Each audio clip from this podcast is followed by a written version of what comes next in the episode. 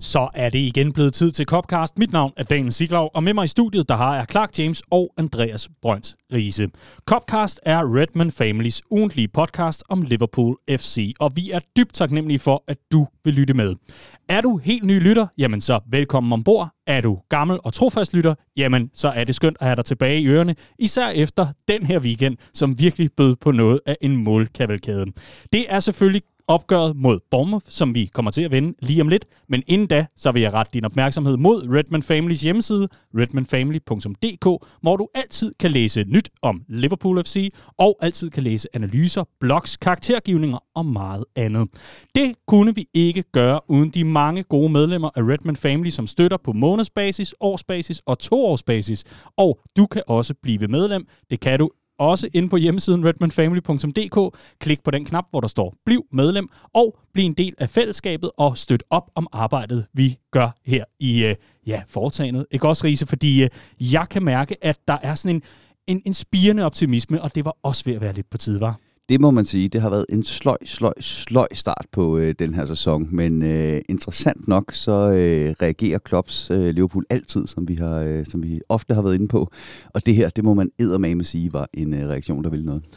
Det her, det minder mig lidt om øh, sådan en, en charterferie, hvor man kommer hjem, og man har øh, glemt passet et eller andet sted, og ens bagage er ikke kommet med, og så videre. Det har lidt været Liverpools sæsonstart, ikke? Hvordan kommer man hjem fra ferie, hvis man har smidt sit pas væk? Ja, hvad ved jeg? Det er noget, der minder om. jo, jo, i den grad. I den grad. Jeg har engang prøvet at, prøvet at glemme mit uh, pas på et uh, hostel i, Jamen, i London, uh, og så måtte, uh, måtte rakke London rundt uh, en time, inden mit fly går, uh, gik, fordi en anden rengøringsdame havde fundet det og ringet til udlejeren. Uh, Ej, hvor heldigt. det var mægtigt hyggeligt. Uh, men jo, uh, analogien er glimrende. Uh, på nær uh, den med den, passet. Og, og, yes, og den her gang, der er vi i den grad uh, kommet hjem, både, både solbrændte og, uh, og fuld af, af sangria glæde. Mm. Mm. Clark, er du også i lidt bedre humør, end uh, tilfældet var i den forgangne uge? Ja, det synes jeg. Det synes jeg. Det hjælper på det, når man smadrer modstanderen 9-0. Ikke? Og øh, selvom vi ikke fik den her rekordsejr og kunne stå enige på tronen i Premier League og, og lave nummer 10, så, øh, så, så er det svært ikke at være begejstret over at se så mange af dem, der også har været under kritik, komme på tavlen og, øh, og i det hele taget bare, bare løfte Liverpools øh, ja, sæsonstart op til, at, at vi nu kan sige, at nu er vi i gang. Ikke? Mm. Jeg kunne ikke lade være med at gå ombord i, øh, i meme-kataloget efter den her storsejr, og der var der det her berømte meme med James Franco, der står og er ved at blive hængt i en af øh, Coen Brothers, Brothers hvad kan man sige, Coen-brødrenes fantastiske film, um, hvor han netop vender sig om og siger, your first time, og det er netop henvendt fra Southampton til Bournemouth. ja, lige præcis. præcis. Ja, det er interessant det der med, jeg sad til en, til en fest, hvor, hvor folk ved, at jeg går op i fodbold og spørger sådan, hvornår det sidst sket, at hold har vundet 9-0, uh, og jeg kunne dem på fingrene, ikke? fordi det er, det, hvornår spillede Southampton sidst nærmest. Øh, men interessant nok det der med, at, at den der 10-0, den, øh, den, øh, den må vi bare ikke få. Og hver eneste mm. gang, at hold kommer på 7-8-0, så begynder Ipswich-fansene at komme ud på Twitter. Er det i dag? Er det i dag, vi slipper af med den? Nej, det var det så øh, heller ikke den her gang. heller ikke den her gang.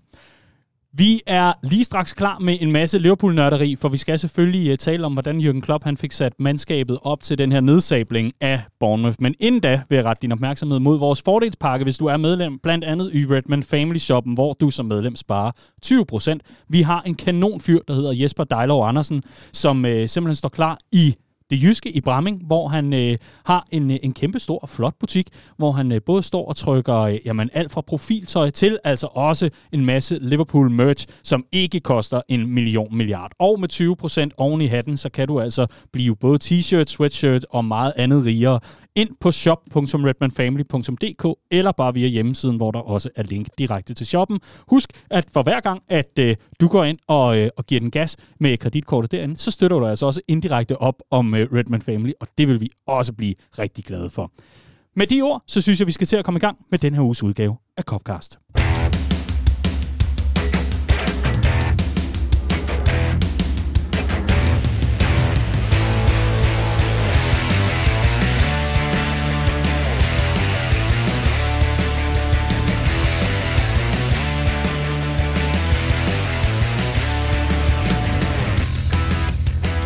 Vild og voldsom målfest på Anfield, det er i hvert fald konklusionen efter en forrygende lørdag, hvor Liverpool måske for alvor stemplede ind og fik det stemplede passet, som de havde husket i lufthavnen, ikke også, Riese?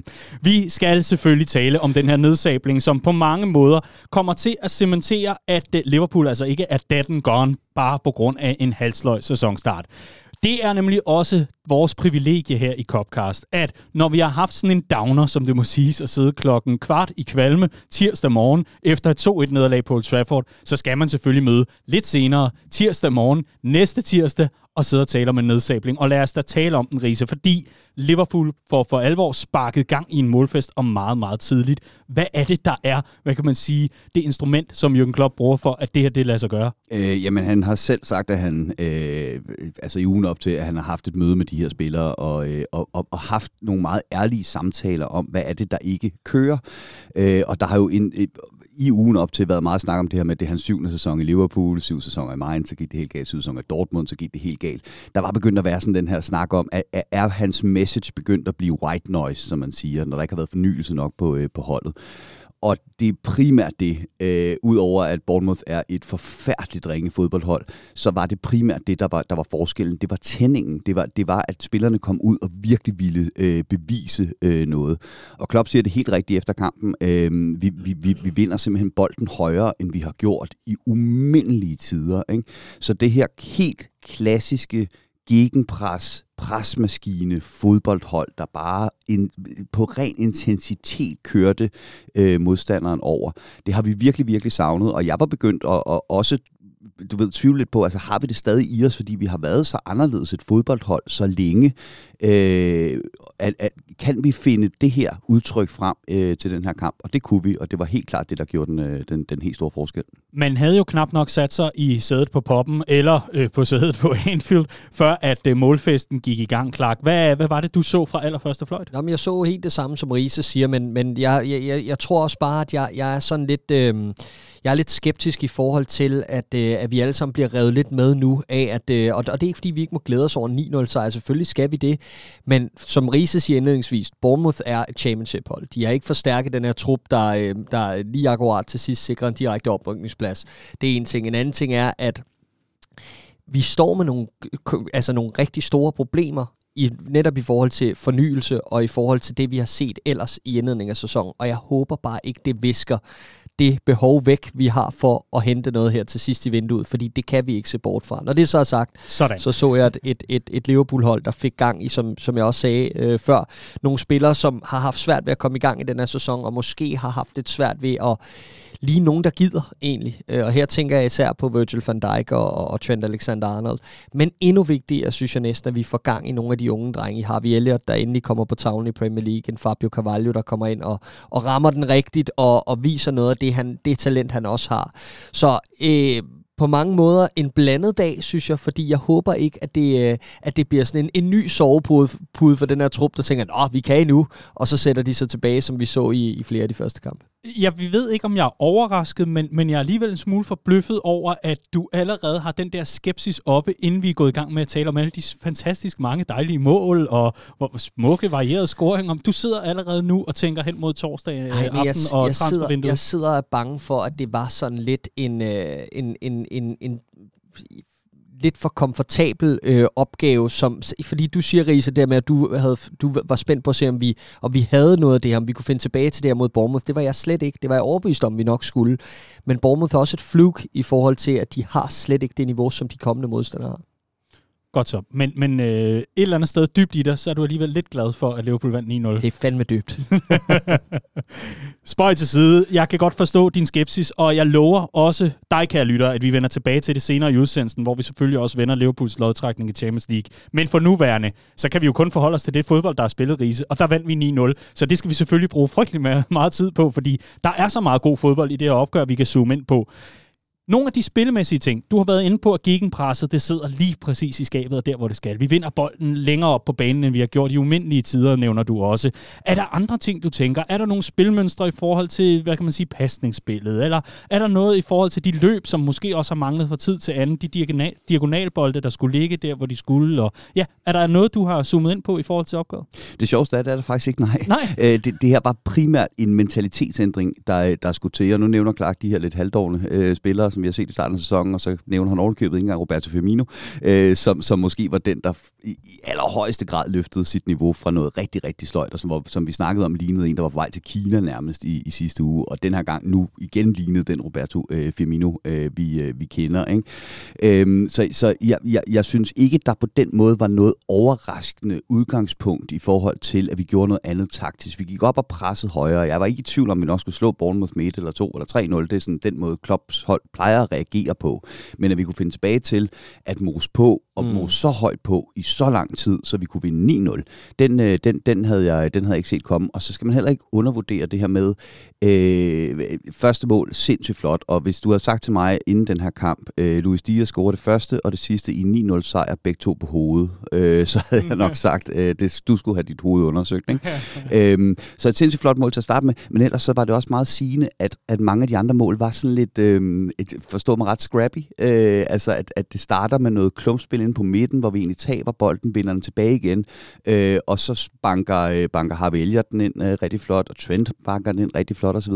Men vi, vi, vi opsøger virkelig de der marginaler og det der held, der også skal til, hvis man skal op og vinde med, øh, med, med den her scoreline. Jeg så ikke som sådan et Liverpool-hold, hvor Klopp havde, øh, var gået tilbage til taktikbrættet og visket ud og sagt, okay drenge, ny plan. Vi er nødt til at gøre noget helt markant anderledes. Jeg så bare et, et Liverpool-hold, der virkelig havde, havde øh, fundet en nerve, som vi havde manglet. Jamen, jeg synes også, der var bedre flow i, øh, i mange af scoringerne. Jeg synes, det er meget at kalde det for scrappy mål. Jeg synes, at uh, Harvey Elliots mål er uh, sindssygt gode kombinationer, god spilforståelse for alle involveret. Uh, jeg synes, at Carvalhos mål er et rigtig, rigtig godt mål, uh, som, uh, som virker meget bevidst også af, af både Timikas og, og, og ham, der, der banker den ind. Jeg synes også selvmålet, om man kan sige det, er et flot flot mål, fordi det var noget, det er et af de spilmønstre, vi har savnet at se. Hurtige kombinationer, hvor vi flytter bolden hurtigt nok ud til bakken, der kommer med et skarpt indlæg, og så er der mål. Øh, så jeg synes, der var, der var gode mål imellem, og jeg synes også, vi så Liverpool oppe tempoet i forhold til netop at finde tilbage til nogle af de her situationer, som gør os farlige. Og ja, ja, så øh, opsøger vi marginalerne i, i, i flere situationer, helt sikkert. Men, øh, men det vil jeg trods alt tage med, og det er jo om man ved det eller ej, om Bournemouth er en nem øh, opgave, du er også inde på det, Daniel, man er nødt til at slå de modstandere, der er foran en, øh, så skal man vinde, og øh, når man vinder så komfortabelt, så sprøjter det bare en god del selvtillid ind i de her spillere, som var en del af det. Så det er jo det, jeg håber, vi tager med videre til, til de kommende kampe. Øh, men øh, men vi, skal, vi skal fortsætte i, i det, den her reaktion skal ikke blive sådan en, nå, men så kan vi jo godt. Det skal blive sådan en, okay, her starter momentum, og her kører vi fra. Og bare, altså, det, det var primært de første mål, dem der begraver Bournemouth, hvor jeg sådan tænker, der, der, skulle, der skulle lige det der held til. Ikke? Så det er klart, så scorer vi nogle sindssygt flotte mål derefter. Derudover så er der selvfølgelig et tema omkring midtbanen, som vi har snakket sindssygt meget om, og her der fik vi så den midtbane med, øh, med øh, Fabinho, øh, Henderson og Harvey Elliott, som vi jo har snakket om noget tid, at i fraværet af Thiago, så burde det være det, vi gik med. Og det vælger vi så at gøre den her gang, fordi at øh, Fabinho lige skulle finde noget form, eller hvad fanden der nu øh, gjorde, at han ikke skulle starte på, øh, på Old Trafford. Og det synes jeg fungerede. Altså man, man kan stadigvæk godt se en, en gang imellem, at, at, at mod en bedre modstander, øh, ikke at vi skal vende tilbage til det konstant, mod en bedre modstander, så kunne vi godt have haft problemer på den midtbane. Men til den her opgave, der var den rimelig godt øh, skruet sammen, den, den midtbane, fordi vi har den her kvalitet i, i Fabinho, og så har vi en, øh, en, en, en sådan sliderspiller i Henderson, og så har vi en, øh, en Harvey Elliott, der kan det lidt mere øh, flærbetonet, og som så ovenikøbet får åbnet sin, øh, sin modskoringskonto. Så det er selvfølgelig enormt positivt, nu, nu hvor vi har snakket så meget om midtbanen, at så skal det også med, at i den her kamp, der fungerede midtbanen faktisk i det store hele. Det synes jeg også, og jeg synes, Elliot bringer noget af den der bevægelse, som, som vi har brug for. Jeg tror, det var rigtig vigtigt, at han fik det mål, netop for, at han bliver frigivet lidt i, sin, i sine aktioner, for får lidt tro på tingene. Øh, jeg synes også, at han, øh, han, han har en rigtig, rigtig god aktion omkring den bold, han lægger på tværs til Mohamed Salah, der, der brænder for tom mål øh, i, i første halvleg, hvor, hvor man netop ser noget af det der, vi kan få, når vi får en dynamisk midtbanespiller, der tager de rigtige løb og åbner de rigtige områder. Jeg tror, det er ham og Robertson, der kombinerer. Han er også en, han er også en del af en trekant længere nede på banen først, og ender så i den her situation, hvor han skal lave det afgørende moment, og det gør han. Han lægger den ind til Salah på bagerste stolpe, og der sad jeg og tænkte, det her vil jeg gerne se mere af. Så lad os håbe, at det mål der, det giver ham, øh, det giver ham noget, øh, noget, noget tur i den, og altså man kan jo sige, det var en meget emotionel dag for ham. Øh, var det hans tante, der var gået bort kort for inden? Mormor, tror jeg. Var det det? Ja, nå, det var, det var i hvert fald Der var et ældre familiemedlem ja, i hvert fald. Ja, der var, der var gået bort, ikke? Og, og, og, og man kunne godt mærke på ham bagefter, at han var meget, øh, meget, sådan, øh, meget påvirket af det, ikke? Og, og alligevel går han ud på banen og leverer sådan en præstation. Det synes jeg, der, det synes jeg, der taler sit tydelige sprog. Du har også lige markeret, Riese. Nej, men det var bare i forhold til, når vi snakker, at, at Firmino spiller en, en brandkamp her. Det gør han. Øh, Absolut. Og, og det, det er så sjovt det her med, jeg tror det er øh, et halvandet år siden, jeg tweetede, at, at om, om et år, så så jeg mig selv stadigvæk diskutere på ugenlig basis, om Firmino var færdig, fuldstændig færdig, eller var systemet. Øh, og den diskussion tror jeg, vi kommer til at fortsætte noget tid nu øh, med ham. Øh, men, men du kan også se det i forhold til de områder, han modtager bolden i i den her kamp, kontra hvor han modtog bolden henne imod Manchester United. Igen en helt anden modstander. Men det siger også noget om, hvor dynamisk vores midtbane i virkeligheden var, at han ikke skulle ligge og falde ned på den defensive midtbane for at vende spillet den her gang, men faktisk kunne ligge i nogle rigtig fine områder og modtage bolden, og en gang imellem oven i købet kunne tage dybdeløb. Jeg så simpelthen Roberto Firmino tage et dybdeløb og komme frem til en, øh, en afslutning, som om det var 2016 eller et eller andet. Ikke? Øhm, det, var, det, var, det var rigtig, rigtig fint at se, og også et udtryk for, at øh, lige så meget som Firmino er systemet, så er Firmino nok også en af de spillere, der aller allermest øh, afhængig af, at holdet fungerer, hvis han skal kunne præstere, og det, øh, det, det gjorde det den her gang. Mm. Jeg hører jeres forbehold, jeg hører alle jeres forbehold, men jeg kan simpelthen ikke lade være med alligevel at øh, komme tilbage til det faktum, at Liverpool vinder 9-0. Altså, når vi nu taler om et Liverpool-mandskab, der øh, altså har underpræsteret, og vidderligt har gjort det i, i jamen, hele sæsonstarten, og så endelig møder op, om man vil i hvert fald stemple ind i sæsonen, i det her opgør. Så er mit spørgsmål selvfølgelig også, hvordan lykkes man med at, at blive ved med at lægge på den her målscoring? Fordi altså 3-0, super fint, og så kan man begynde at skifte jamen, både Bobby Clark og Bajcetic og alle mulige andre ind, selvfølgelig. 5-0, wow. 7-0, altså 9-0, det er jo mm. altså fantastisk resultat jo. Ja, det er et helt fantastisk resultat. Øh, jeg tænkte egentlig, da den står 5-0 i pausen, at man ville begynde at skrue ned, og det tror jeg egentlig også var planen, da man skifter øh, Harvey Elliott ud og tænker, når man nu, nu herfra der starter vi med at, med at aflaste nogle af de spillere, der skal igennem en uge, hvor de skal spille meget, og, og det er tydeligt, at Klopp allerede har, har fokus på den næste kamp herfra, helt naturligt. Men øh, det var nogle spillere, der skulle ud og bevise en hel masse. Det var tydeligt, og det var skønt at se. Øhm, øh, jeg tror bare, at med den sæsonstart, vi har haft, så, så falder tankerne for mig bare på, at vi skal ikke dvæle ved det, og vi skal videre og skabe det næste resultat. Og det er den, jeg sidder tilbage med, fordi øh, i sidste ende, om det blev 3-0 eller 9-0, er, er, er for så vidt ligegyldigt. Ja, men det, og jeg, jeg er jo enig med Clark her på den måde, at ligesom vi ikke skal overreagere på et par sløje enkelte præstationer i starten af en sæson, så skal vi jo heller ikke overreagere på det her øh, resultat, selvfølgelig. Øh, øh, men, men, men, men noget af det, som, som jeg især lægger mærke til, som, som gør, at vi bliver ved med at mose på øh, og, og, og får det her, øh, det her øh, øh resultat, øh, det er, øh, som, som sagt, vi plejer egentlig at sige, at Klopps øh, Liverpool altid reagerer, og det er også rigtigt. Men det, som øh, de plejer at gøre, det er, at de plejer at vinde 1-0, og så vinde 2-0, og så vinde 2-0, og så vinde 2-0, mm. og lige pludselig så har de vundet 2-0 20 kampe i streg. Ikke? Det plejer at være den her grindende maskine, som ikke nødvendigvis har de her enorme udfald i den ene eller den anden retning. Noget af det, jeg tror, der gjorde udfaldet her for, at man blev ved med at mose på, også selvom man allerede skal spille igen i midtugen mod et udmærket øh, Newcastle-hold, det er øh, dels, at, øh, at Bournemouth er så dårlige, at man godt kan score på dem, selvom man spiller på 70 procent. Ja, du kan se, den han sidder derovre, er rigtig tilfreds med den pointe.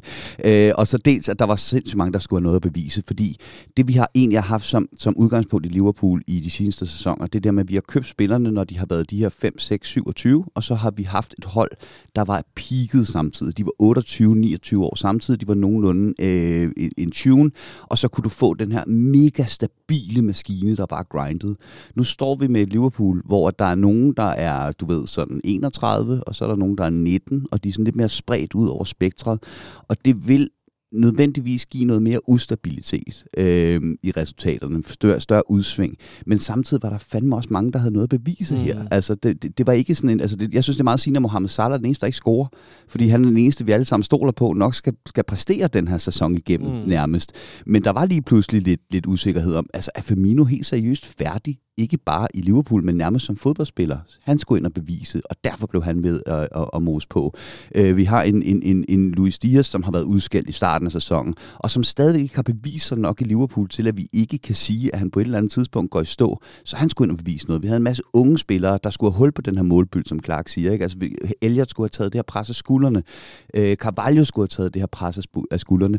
Og det tror jeg også var, var enormt sigende for, hvorfor at vi scorer så mange mål. Det er, fordi vi, vi, vi ser et eller andet sted, vi står i en situation som fodboldhold her, hvor der er virkelig mange aber på skuldrene rundt omkring øh, på holdet, og der var en gylden mulighed for at bare rydde abeburet. Ikke? God mm. pointe. Rydde abeburet. Fremragende, fremragende metafor. Jeg prøver virkelig, jeg prøver ihærdigt, det ved jeg både lytter og, og I vil, vil vide, at øh, jeg prøver virkelig at få en fest op over det her 9-0, men der er sådan en sund skepsis, der står i vejen for det, jamen, den prøv, absolutte jamen, fest. Jeg, jeg ved godt, at jeg er, jeg er elefanten i rummet herover, men det, det, det er ikke, fordi jeg ikke er begejstret over 9-0. Jeg har det bare sådan, at vi skal videre. Altså, det, det er Bournemouth hjemme, og dem skal vi slå, om det er 2-0 eller 9-0. Jeg, jeg må bare indrømme, at, at jeg, jeg var selvfølgelig super lykkelig over det her resultat på dagen, men lynhurtigt skiftede mit fokus, og det gjorde det altså allerede i pausen.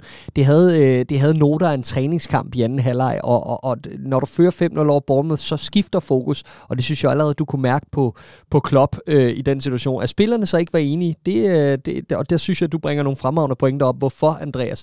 Fordi øh, der, der er et sjovt, et sjovt mix af, af, af selvfølgelig aldersspredning i, i den her trup, men også bare af, af, af nye spillere og gamle spillere, som måske ikke føler, at de har fået den start på sæsonen, som de gerne ville, eller start på deres Liverpool-karriere, som de havde ønsket. Så, så det giver god mening, hvorfor, at, hvorfor vi kløede på. Nu vil jeg bare gerne se det på onsdag mod Newcastle glimrende pointe, og øh, på onsdag mod Newcastle, det er i morgen. Ja, det er det.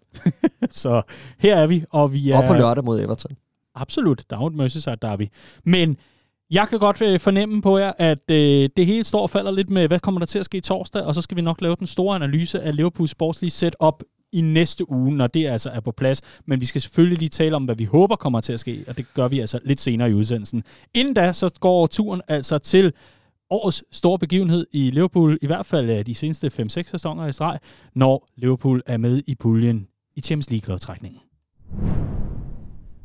For Liverpool er altså kommet i gruppe A i Champions League. Det er faktum efter sidste uges lodtrækning, hvor vi trak Ajax Amsterdam, Napoli og Rangers. Vi skal selvfølgelig lige vende et par tanker omkring de hold, og så i det hele taget, hvordan Liverpool bør håndtere og takle det her gruppespil, som kommer til at være i en lidt mere, øh, hvad kan vi kalde det, kompresset form, i og med, at der ligger en, øh, en ørkenstats slutrunde og lurer lige rundt om hjørnet. Jeg ved, mange fodboldelskere simpelthen bare glæder sig helt vildt til, at turen går til øh, Katar.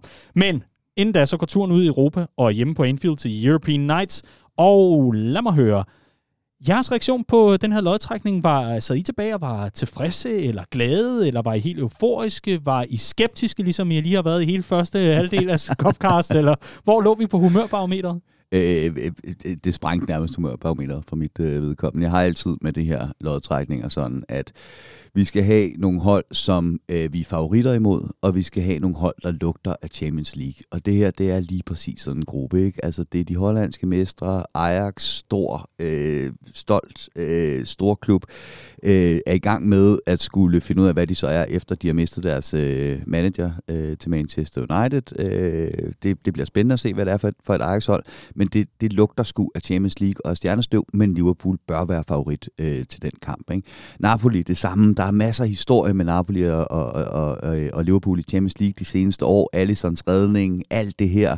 Øh, også et hold, der, der ser rigtig spændende ud, øh, og med Spalletti som, som manager. Øh, og igen et hold, hvor jeg tænker, at Liverpool bør være favorit over to opgør, i hvert fald til at tage øh, de fleste af pointene i, i, i de to kampe.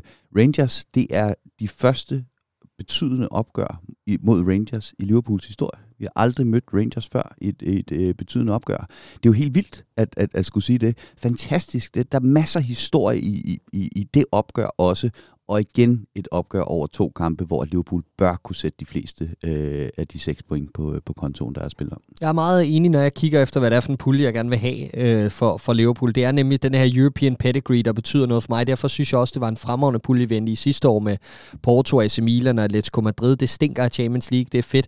Det her, det er bare lige øh, nykket ned kvalitetsmæssigt, og derfor er vi storfavoritter af den her pulje. Jeg er lidt ked af Napoli. Jeg synes altid, vi har det svært dernede. Øh, og det er altid en intens affære, hvor det tager hårdt på kræfterne, og det er, det er et hold, der, er, der, der spiller meget intenst, og, og øh, jeg synes, vi, vi skylder en dernede i forhold til at levere et resultat, så det er det, jeg ser frem til den vej rundt, kan man sige. Øh, Rangers fedt at se, at de er tilbage i det fine selskab. Øh, en klub, som øh, gik i Europa League-finalen, og som øh, Øh, vi jo alle sammen tænkte, hold da op, hvor har Steven Gerrard gjort et godt arbejde deroppe i forhold til at, at løfte dem op i, i, i den kategori. Men øh, ham, der har overtaget tøjlerne deroppe, Giovanni van Bronckhorst, øh, dem der husker ham som spiller, en elegant vensterbak, øh, øh, han har jo bare taget dem nykket videre, og, og det fortæller i hvert fald lidt om hans trænerkvaliteter, og så vil jeg ikke sige mere. Øh, og Ajax, altid en fed away, og øh, et, et super opgør mellem to klubber, der er super dekoreret i den her turnering. Og der vil jeg sige det der med Napoli, jeg synes også, at man kan ikke gå ud af et gruppespil i Champions League, uden at blive testet ordentligt, altså for at vide, hvor står man så, når det for alvor øh, bliver, bliver, bliver, øh, bliver, bliver øh, squeaky bomb time i, i øh, knockout-runderne. Og derfor skal du også have den der, øh, hvor du virkelig bliver testet, og det bliver, øh, det bliver ude mod, øh, mod Napoli. Øh, derfor glimrende.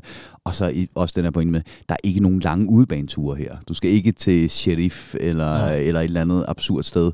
Øh, det, det, det kunne dårligt være bedre. Jamen, jeg er helt enig. Og øh, så det er jo en, en, så har vores ærkerivaler jo gjort os en kæmpe tjeneste i den her pulje ved at simpelthen at købe hele Ajax. Øh, så øh, vi møder en, en, en umiddelbar favorit i gruppen, eller den fra seedingslag 1 øh, i Ajax, som, øh, som er et helt andet hold, end, end de var, da de kvalificerede sig til, til gruppespillet. Og det er ikke kun mig, der er lykkelig over, at Røde Stjerne Beograd ikke kom på, øh, kom på menuen.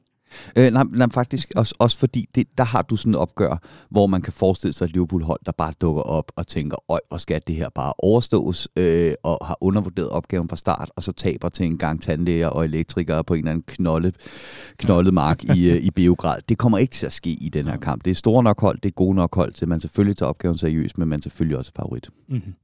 Sidste års gruppespil var jo øh, lidt af et festfyrkeri, forstået på den måde, at øh, der var jo fuldt hus. Så Clark, dine forventninger i forhold til det, er det en øh, reprise?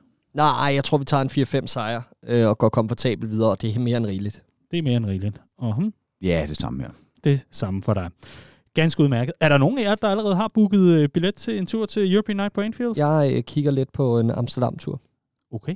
Hvad med dig, Risa? Jeg er har også i gang med at øh, mm? Sondere terrænet. Ja, i og med at Røde ikke er med, så gider jeg ikke. Så øh, jeg bliver hjemme. I hvert fald så er European Nights øh, en glimrende mulighed for at komme ud på en hverdagsaften og prøve en lokalafdeling af i Redman Family, hvis du sidder og tænker, jeg er måske lidt træt af, at jeg skal sidde og være lidt stille hjemme i stuen, fordi det starter klokken 9. Så kan du tage et sted hen, for eksempel i en af vores lokalafdelinger over hele landet, og se European Nights med Liverpool sammen med ligesindede røde. Og der må man godt juble rigtig højt, fordi der kommer ikke en nabo og banker på to gange efterfølgende. Det er der intet i.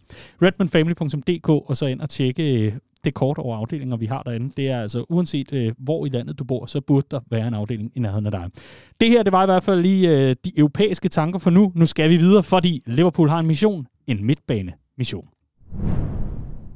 Døden, skatterne og Copcast tager en tur forbi Liverpools midtbane, fordi Klopp har i den forgangne uge været ganske tydelig i sin kommunikation, og mere tydelig, end vi er vant til at se ham. I hvert fald så er det ved at være nu. Han kunne godt trænge til noget nyt blod på den her midtbane. Og så er spørgsmålet, vil Liverpool gå ud og bruge den mønt på det? Der er stadig ingen signing, og vi sidder her to dage før, at transfervinduet lukker. Det gør det altså natten til fredag. Så det er altså den 1. september, torsdag den 1. september, kl. 23 øh, britisk tid, og det vil altså sige ved midnat natten til fredag, dansk tid. Godt så så er alle hermed opdateret på, hvornår at det, øh, det hele skal være på plads, og hvornår faxmaskiner og printer og alt muligt andet burde virke. Så mit spørgsmål til dig, Clark, det er, er det blevet tid til, at vi sender INR og Julian Ward og company til øh, ja, en eller anden øde knold i Østeuropa, eller hvor skal vi hen og hente vores midtbanemand? Får ja, vi ham? Ja, det er et godt spørgsmål. Jeg tror ikke, vi får, øh, vi får nogen. Jeg synes, de meldinger, der var i, øh, i går øh, mandag, var noget sådan nedslående i forhold til, at, at da, da Klopp sagde det i sidste uge, der tænkte jeg, okay, vi er langt i forhandlingerne med en midtbanespiller, fordi ellers går du ikke ud på den måde og erklærer, at vi desperat øh, har taget fejl, og at vi skal ud og, og handle her til sidst. Fordi hvad gør du så? Du presser prisen op på, øh, øh på øh, ja, potentielle targets.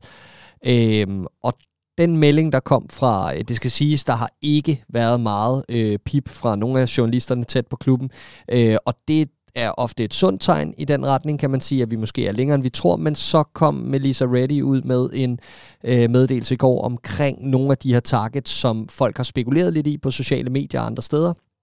Øhm, og mere eller mindre sagde, at der ikke rigtig var noget under opsejling, og hvorfor at det ene og det andet og det tredje target ikke rigtig var øh, interessant for Liverpool, og øh, det lader til, at mange af de her spillere er, er, har fået en, en prislap i nakken, som, som FSG og Liverpool ikke vurderer til at være en, en kalkuleret risiko øh, værdig her til sidst i, i mm. vinduet. Der kan jeg lige hurtigt henlede lytterens opmærksomhed på redmanfamily.dk igen. Det er altså ikke øh, fordi, at øh, jeg øh, kun har tænkt mig at smide imod den hjemmeside, men der ligger, øh, hvad kan man sige, et, en, en artikel om Melissa Reddys artikel, hvor man altså kan gå ind og læse om det. Jeg tror, den hedder Reddy, og så øh, kolon. Her er Liverpools transferovervejelser. Der er alle navne altså inkluderet, for jeg skal love for, at det var lidt af en lang omgang. Den, øh, den gamle Liverpool-reporter sendte afsted, nu er hun jo øh, objektiv Sky Sports reporter. Det er skønt. Riese, dine tanker i forhold til Liverpools midtbanemission, måske snarere omkring den her udmelding fra Klopp, fordi den var lidt atypisk. Den var lidt atypisk, og den øh, ledte igen tankerne hen på et januarvindue, øh, hvor vi ender med at hente øh, Kabak og, øh, og, og Davis. Øh, fordi der var han også ude til sidst og sige, nu, nu, nu, nu er vi simpelthen nødt til at gøre et eller andet, og det har jeg også sagt til klubben-agtigt. Og jeg havde nøjagtigt samme øh, tanker som, som, som Clark, altså det her med, at vi har været inde på, at det, det er jo rent spin, når Klopp er ude og sige, at vi har ikke brug for nogen. Så når han går ud og siger, nu har vi brug for nogen, øh, så tænkte jeg også, at det var spændende i forhold til, at nu står der en i, i, i morgen, fordi du er nødt til at tage det her i opløbet, så han ikke bliver stillet spørgsmål på næste pressemøde. Du sagde, at I ikke havde brug for nogen, og nu så hentede jeg alligevel en, og så videre. Så det, det, det var helt klart samme tanker, jeg gik med. Men jeg er jo også, øh, jeg er jo også relativt øh, mystificeret over, øh, over udviklingen øh, lige i øjeblikket. Øh, jeg tror dog, vi, øh, vi, vi, vi henter en. Øhm, og, og, og det tror jeg, at man skal tage Klopps udmelding som øh, et udtryk for. Altså, der er ham og klubben trods alt nået til, ligesom de var i øh, januar på det tidspunkt med øh, midtstopperne. Øh, men, men jeg tror ikke, det bliver for den hylde, vi godt kunne tænke os. Øh, jeg sidder og kigger på for eksempel sådan Sander Berge nede i, øh, i, i øh, Sheffield United. Ikke? Øh, et eller andet i, i, i, i den dur. Altså en, en, en body mere til, til midtbanen, øh, så at sige. Var der nogen andre, der kunne høre den øh, eksplosion, der kom fra Liverpool Twitter et eller andet sted i horisonten, med folk, der eksploderede over ikke at få Jude Bellingham til 3 milliarder? Øh, ja, ja, men Jude Bellingham har ikke været tema på noget tidspunkt den her, øh, den her sommer. Øh, det, det bliver til, til, til næste sommer, at slaget skal stå om, om ham. Ikke? Mm. Øh, og så sidder vi igen i øvrigt med den fuldstændig samme diskussion, som vi havde på det tidspunkt omkring midtstopperne, hvor vi jo også vidste, at vi skulle ud og hente noget andet, og man ikke måtte lukke for pladsen i truppen, og man skulle ikke bruge de penge, der så gjorde, at man ikke kunne få Ube Marcano, eller hvad vi nu drømte om på, øh, på det tidspunkt. Øh, men jeg synes ikke, situationen har ændret sig så nævneværdigt retfærdigt. Jeg roste lige midtbanen imod, øh, imod øh, øh, Bournemouth. Men igen synes jeg også bare, at man må konstatere, at øh, elsker Jordan Henderson, men han var vel Liverpools øh, sløjeste spiller, øh, hvis øh, Salah havde puttet en ind. Ikke? Øh, der, der, der, mangler, der mangler noget på den midtbane. Hvis øh, Liverpool går på, øh, på indkøb i Championship, Clark, så er du så tilbage som en meget, meget skuffet mand, eller at, har du affundet dig med, at øh, jamen, altså, det er jo bedre end ingenting? Mm, det har vi jo gjort før med, med, med succes, men det er klart, at, at øh, det vil stinke desperation øh, på en anden måde, end hvis vi gik ud og hentede et prime target for en overpris. Øh, jeg synes jo lidt, at der skal være perspektiv i den her signing. Det synes jeg også, at det Klopp snakker lidt om. Altså, vi skal, vi skal ind i en situation, hvor at, at vi ikke ser fuldkommen øh, blottet ud i forhold til fremtidige transfermål, så folk øh, eller så andre klubber ved, at de kan, de kan øh, drille os til at betale en højere pris. Det vil på sin måde være en katastrofe. En anden måde, det kunne være en katastrofe på, var, at vi endte i en ny Ozan Kabak, Ben Davis situation, hvor vi henter en, der ikke er god nok, og der ikke er noget perspektiv i. Så vi skal gerne lande i det lag midt imellem, ikke? Altså, vi skal gerne have en, der er brugbar nu, men også når alle mand er tilbage, kan gøre en forskel og som ikke koster en fantasilion. Så det er, det, det, det, jeg kan godt forstå, at den er svær at identificere. Jeg kan godt forstå, at når du kigger på, på nogle af de her spillere, som, som tidligere har været oppe jeg tror, der Neil Jones, der tidligere på sommeren lavede en, en, en, en, sådan, øh, en forklaring på, hvorfor Liverpool ikke var gået efter blandt andet Juri Chelemans, og jeg mener også Ruben Neves. Der var i hvert fald nogle navne nævnt i den her artikel om, hvorfor Liverpool ikke var gået efter dem her. Det var simpelthen fordi, at de var ikke vurderet til at være af den rette kaliber i forhold til netop at gøre sig gældende, når Liverpool havde alle mand klar, eller havde det rette niveau øh, i forhold til pris og så videre. Så de var simpelthen blevet varet for let. Og derfor kan jeg da godt forstå, hvis man står nu som klub og tænker, ja, ja, det er en ny situation, men det kan ikke være rigtigt, at vi i, i vores sådan, uh, rette state of mind har vurderet, at de her spillere ikke er gode nok, og så nu siger, nej, nah, men er, er vi nu sikre? Altså, så bliver det også desperat Præcis. på en anden måde. Så jeg forstår godt det der med, når Klopp siger den rette spiller, som for mange er rigtig frustrerende at høre hele tiden, at det skal være den rette spiller, der er tilgængelig i den rette situation for de rette penge og alt det her. Men, men, men jeg forstår det godt, og vi er bare nede i, at Liverpool er også nået til et niveau, som er rigtig højt. Øh, ikke i starten af den her sæson, men, men sådan helt generelt, som gør, at det her felt af spillere, der kan gøre den her Liverpool-maskine bedre lige nu, altså gå ind og gør en forskel nu, ikke om et halvt år, det er meget, meget småt, og især her til sidste vinduet. Så kan vi så snakke om, at man har spændt ben for sig selv øh, ved at vente, men øh, det er sådan en anden snak. Ja, ja, og, og når du siger det her med den rette spiller, så er der også altid den her, der hører med øh, i overvejelserne. Når Liverpool siger den rette spiller, så snakker vi med en klub, hvor der sendte øh, Klopp ud og møde med, mødes med Van Dijk i en rusjebane i Blackpool, øh, og mødtes med Fabinho i møder, inden han blev signet. Øh, Konaté, noget af det første skudsmål, han fik, da han kom til, var det her med, at han havde en sød familie, for dem havde Klopp fandme nærmest også mødt. Ikke? Der er en virkelig, virkelig, virkelig, virkelig øh, stor øh, virkelig stor fokus i Liverpool på at køre det, der hedder no assholes-strategien. Ikke? Øh, jeg har altid siddet og drømt om øh, James Madison. Jeg kan godt forstå, at vi ikke har hentet ham øh, efterhånden, fordi han er fandme Charlie Adams på speed, når det kommer til personligheden. Øhm, øh, og, og, og det hører også med. Liverpool kan ikke bare gå ud og hente en eller anden baseret på nogle stats eller noget video eller et eller andet, fordi Klopps trupopbygning bygger så meget på det her med, alle skal købe ind på det, som manageren siger. Alle skal arbejde hårdt i samme retning.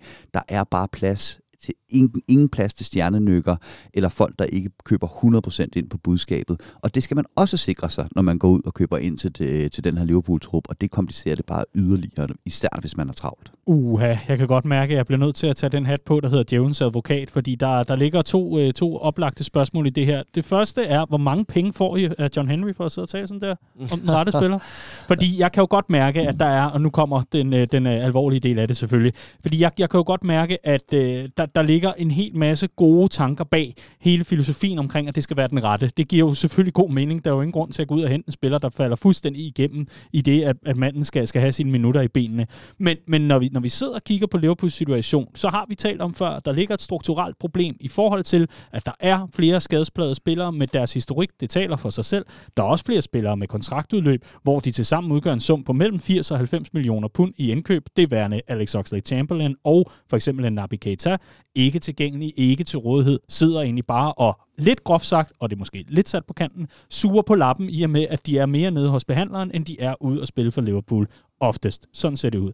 Nu sidder vi i en situation, hvor Liverpool akut har brug for at have noget ordentligt bredde på den her midtbane, så man kan gå igennem en sæson, hvor vi, hvis alt går vel, kommer ud og spille på den gode side af i hvert fald 55 opgør, fordi vi når langt i både europæisk sammenhæng og alt muligt andet. Så mit åbenlyse spørgsmål til, øh, til det er, er der ikke nogen af de her krav, til en ny spiller, som man kan slække lidt på. Det værende pris, det værende om øh, onklen også er glad for Klopps filosofi, det værende nogle af de her ting, I lige har skitseret op. Er der ikke noget af det, hvor man bare bliver nødt til at sige, det bliver vi nødt til at slække på, fordi der er noget, der er vigtigere, og det er, at vi kan stille mandskab, der har nok kvalitet? Jo, Øh, jo, og... Øh, Men det kommer bare ikke til at ske, er det sådan? Jamen det, ja, det, det, det tror jeg desværre, at det er der, vi er. Altså, øh, og, og jeg taler ikke ud fra, hvad jeg håber. Øh, jeg taler ud fra, hvad, hvad jeg synes, der er skriften på væggen lige nu. Og det lader til, at øh, hvad jeg troede var et, øh, bare roligt, vi er langt i forhandlingerne, råb fra Klopp i sidste uge, tror jeg nærmere var, at jamen det ønsker jeg også. Men øh, vi har prøvet, og vi kunne desværre ikke. Og det frustrerer mig en hel del. Og øh, i forhold til, hvad man får af penge for John Henry, øh, så vil jeg da gerne øh, få dem inddraget igen ved at sige, at det her, det er øh, dybt kritisabelt og nærmer sig noget øh, skandale nærmest, at vi ikke har gjort noget ved det tidligere. Ja. Øh, det vil jeg meget gerne sige om, om, om John Henry og Liverpools ejere, at det her det var ikke en uforudsigelig situation, og der burde have været gjort noget ved det her meget, meget, meget, meget, meget, meget, meget tidligere. Men nu står vi i den her, som du siger, akutte situation. Og det er ikke en situation, som Liverpool bryder sig om at stå i, fordi tilgangen til transfermarkedet nemlig har været så gennemtænkt. Øh, og, og, og, og så gennemscoutede spillere, der passer ind på alle parametre, og så venter man gerne på den rigtige, øh, hvis, hvis det er. Øh, her der var mange, der kunne have været den rigtige at hente ind helt tilbage i starten af transfervinduet, hvis man vidste, at Jude Bellingham ikke allerede nærmest var mm. på plads, hvis man ikke vidste, det var 100% sikkert, at man kunne få ham, og som vi har været inde på til hudløshed i det her program, særligt fordi der er plads til mere end en i truppen, og bliver plads til mere end både en og to hen over det næste år. Så, så, så det er dybt kritisabelt, at vi står her. Det, det, det er decideret forfærdeligt, og jeg, jeg, jeg synes, det er ultimativt nederen, og, og hvis jeg mødte John Henry, vil jeg give ham en Olfert.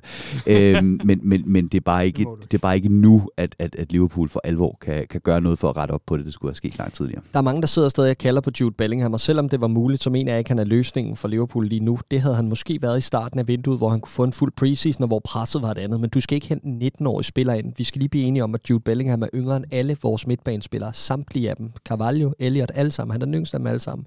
Vi lige sidder og snakker om det her aldersspænd det, jeg vil se på den her midtbane, det er en spiller, der kan gå ind og tage det ansvar nu og være øh, upresset af det prisskilt, der eventuelt måtte være på ham, og især i den situation, vi står i lige nu. Og der skal du ikke hente øh, Jude Bellingham ind for øh, øh et eller andet kontroversielt beløb, 125 millioner pund, eller hvad man måtte slippe her sidst i vinduet. Det er ikke en sund situation at bringe sådan en spiller i, og det er slet ikke vores stil. Så øh, i forhold til snakken om, om, om potentielt at smide et kæmpe bud på Bellingham her til sidst, det er helt out of the question for mig. Det skal være under de rette forudsætninger, og det skal netop være med ro på bagsmækken og være gjort ordentligt. Så det jeg gerne vil se, det var en 25-årig spiller, der kommer ind nu og netop gør noget ved det her aldersspænd, balancerer truppen, balancerer denne her sådan, øh, øh, ja, hele den her aldersspring, der især er på midtbanen, ikke? Øh, og der synes jeg stadig, der er nogle kandidater. Altså, øh, nu sad jeg og nævnte Ruben Neves og, og, og øh, Telemans Chelemans før. Hvis de er blevet meldt, øh, eller hvis de er blevet øh, varet for, for let for klubben, fair nok. Så er der en Konrad Leimer i, øh, i RB Leipzig, som har nogle af de helt rette sådan, øh, øh karakteristika for en midtbanespiller i det her klub setup. God i presspillet, energisk, hurtig, øh, god på bolden, øh, har nogle af de her ting, som, som vi, vi skal bruge. Så jeg synes stadig, der er muligheder derude, selvom at Risa er helt ret i, at, at mange af de her spillere, som jeg også ramte op i sidste uge, der røg tidligere i vinduet, havde været glimrende kandidater til at være det næste skridt i Liverpool inden Bellingham den her midtbanesituation er jo ikke ny, og vi har jo talt om igen den her sportslige øh, struktur, der jo altså ligger i forhold til, at hele setupet er øh, vidderligt bundet op omkring, at der sidder rigtig mange kloge mennesker med rigtig mange regneark og rigtig mange statistikker og meget, meget andet end algoritme, som simpelthen arbejder for os. Øhm, ifølge Redman Families Transfer Center, som jo altså har haft åben hele sommeren, så er vores netspend lige nu i omegnen af 27 millioner pund. Forstået på den måde, det er det, der er blevet brugt øh, i det her vindue. Øh, ikke generelt, men altså når både indtægter og udgifter osv. er trukket fra, jamen, så står vi med et minus, så at sige, i beholdningen på 27 millioner pund. Når man kigger på et, et, et, et hold som for eksempel Nottingham Forest, eller et West Ham, som lige er gået ud og slået transferrekord selv på en midtbanespiller fra Lyon og så videre, så er mit spørgsmål selvfølgelig, et, er vi ikke enige om, at pandemien er overstået, og det regnskabsår er indleveret i forhold til Liverpool? Er vi ikke enige om det, Riese? Det plejer at være dig, der jo. er god på tallene der. Yes. Øh, Clark, øh, to, har vi ikke i et godt stykke tid kendt til øh, den situation, der er med kontrakterne omkring både Oxlade Chamberlain og øh, Naby Keita? Jo. At det må man gå ud fra, at, mm. at det står et eller andet sted på tavlen. Husk at forlænge, ellers så går de gratis, tænker jeg, at det står på sådan et, et whiteboard et eller andet sted øh, på, på Kirby.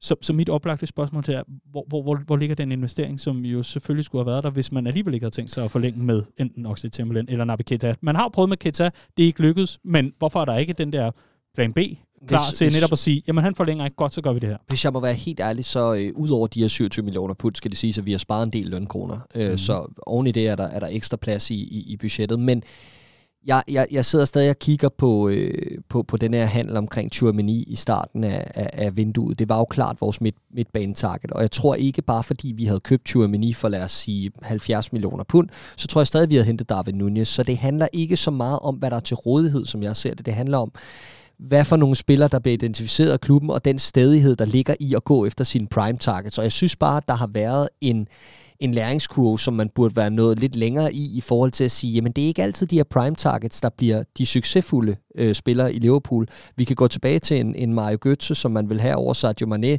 og øh, alle de her historier med spillere, som vi har taget på, på, på, andet, øh, på andet valget, Mohamed Salah øh, bag Julian Brandt, så videre, så videre, så videre.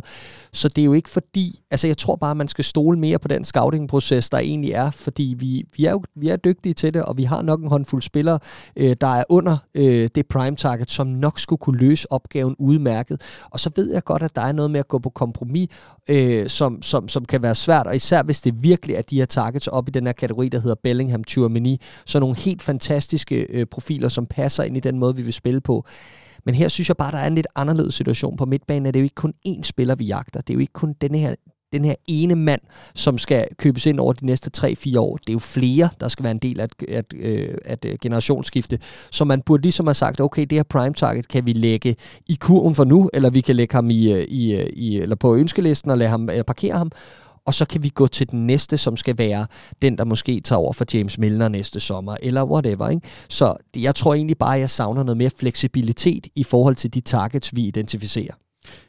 Og nu er det, hvis man skal ind med det allers øh, sidste øh, kritiske input i forhold til det her, fordi ellers så vil jeg gerne lige dreje øh, en, en halv omgang og så spørge, hvor meget bedre kan det blive for Liverpool, når vi kommer fra en sæson, hvor det vidderligt var, øh, jamen altså, øh, havde Aston Villa holdt, øh, holdt fast i sidste spilrunde, så kunne Liverpool altså have lavet sig kåre som mester på et, øh, på et feststemt Anfield. Havde Liverpool øh, haft lidt mere held, på det, øh, held med det, og øh, en øh, Courtois ikke havde været prime øh, Buffon på en, øh, en fantastisk aften for Real Madrid i Paris, jamen så havde man måske stået med, med fire trofæer, så havde fortællingen været en anden. Riese, jeg vil egentlig gerne lige gå ind og så prøve at prikke lidt til den der dommedagsretorik, som jeg godt kan fornemme kommer i tid og utid. Og det er jo også rigtig, rigtig vigtigt i, i den her diskussion og den her samtale, det er, jeg kan også godt mærke, at det er begyndt at blive mere og mere opdelt. Det er ikke en, en, en stor, øh, hvad kan man sige, videnskabelig undersøgelse, jeg er ude i. Man kan godt fornemme, at de sociale medier og kommentarspor efterhånden er efterladt til dem, der er allervredest eller har allermest markante holdninger.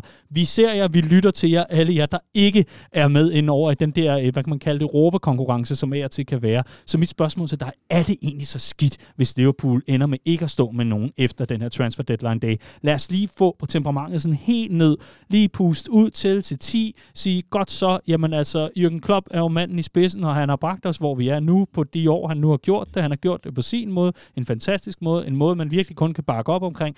Er det helt så skidt, hvis Liverpool ikke får hentet den midtbanemand? Hvad snakkede vi om, da øh, Liverpool tabte til West Ham sidste år? At midtbanen blev overløbet? Midtbanen blev overløbet. Hvad snakkede vi om, da vi spillede uafgjort mod Chelsea? Midtbanepresset sad ikke skabet. Hvad snakkede vi om, da vi spillede uafgjort mod Tottenham? Midtbanepresset sad ikke, hvor det skulle. Øhm, Liverpool kan sagtens komme fint igennem en sæson, men det her det er ikke en ny ting. Vi har snakket om midtbanen i øh, hele sidste sæson også.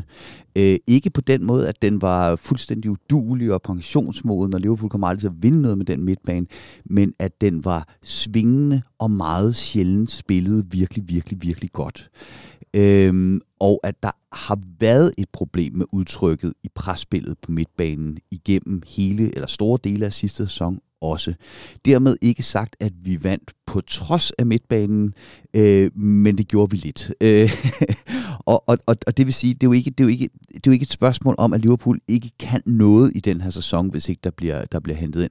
Det handler om, at Liverpool har været et så stabilt fodboldhold igennem så mange år, blandt andet på grund af, at man havde den her, det her enormt stabile udtryk inde i maskinrummet på midtbanen. Som jeg lige har sagt, nu står vi med en bunke øh, meget unge spillere og nogle lidt aldrende spillere. Det giver ustabilitet, det giver udsving. Og så kan det godt være, at vi får øh, flere udsving i retning af Bournemouth, end vi får udsving i retning af Manchester United-kampen. Men det er uforudsigeligt af øh, helvede til. Og det er det, der er min udfordring. Det, det, det er sådan set ikke, at jeg ikke er sikker på, at vi nok skal få en udmærket sæson, og Liverpool nok skal, skal, skal spille godt, og, og, og, og måske endda også væsentligt bedre, end vi regner med. Men det er uforudsigeligt. Mm. mm. Ja, men, øh, men meget enig. Men øh, nej, det er ikke en kæmpe katastrofe, slet ikke med tanke på, at vi får nogle spillere tilbage fra skade nu. Det, det er bare i, igen en situation, hvor vi skal være afhængige af, at, øh, at, at, at de her spillere, som vi forventer på et eller andet tidspunkt knækker sammen, at de ikke gør det, og det er igen, ja, uforudsigeligt, men det er også at spille på, på, på noget held, som, som, altså noget vi ikke er herre over. Det, det tror jeg er lidt irriterende, at vi går ud af den der kontrollerede rolle i en situation, hvor vi har vidst, hvad problemet var, der skulle identificeres. Og alle journalisterne snakkede om det i den sommeren, at, at det var Klopps helt store fokus den her sommer at identificere det her, den her midtbaneudfordring. Øh, det var det, ordlyden var, da han forlængede sin kontrakt. Det vil sige, det er det, man er blevet enige om, da man har siddet og forlænget den her aftale. Det er, at sommerens transfermål er en midtbanespiller, der skal tage Liverpool til næste niveau. Og det har man ikke løst. Det er uacceptabelt. Med mindre, at der så sker mirakler torsdag aften, når Liverpool lukker vinduet sammen med resten af fodbold Europa. Yes. Ja, vi må se, vi må se. I hvert fald så skal vi nok samle op på den del i næste uges udgave af Copcast, det lover vi, og der gør vi altså også status. Samtidig så samler vi op på hele to opgør, når Liverpool altså onsdag aften møder Newcastle, og så er der altså Merseyside Derby mod Everton her i weekenden. Det bliver rigtig godt. Kom ud og se kampene sammen med fellow Reds i en af vores mange lokale afdelinger. Inden vi lukker ned for den her gang, så skal vi lige forbi det, som en enig redaktion her på Copcast har valgt at kåre til ugens Bella. Og det er selvfølgelig situationen i det 9. minut i weekendens opgør, hvor et samlet Anfield rejser sig op og hylder, synger og klapper af Olivia Pratt Corbel, en 9-årig lokal pige, som under dybt tragiske omstændigheder blev skuddræbt i den forgangne uge, og øh, efterfølgende, der har man altså nu i hvert fald anholdt to mænd øh, mistænkt for at være en del af hele den her situation, der endte med, at en blot 9-årig pige mistede livet. Men hele situationen omkring den hyldest omkring hende, det er ugens spiller, det viser netop, at øh, mange ting, især de vigtigste ting, er vigtigere end fodbold, og det var et fyldt Anfield, som viste det fantastisk, både at vinde 9-0, som flere bemærker, at det var mand med nummer 9 på ryggen, som blev man of the match, og altså øh, nogle gange, at øh, Liverpool øh, jo bare viser klassen her, både på fansiden, men altså også spillersiden, Jordan Henderson med t-shirten og så videre. Jürgen, øh, undskyld, Jürgen. det hedder du ikke. Du hedder Riese. du har lige markeret. Øh, nej, nej, nej. Det var... Ja.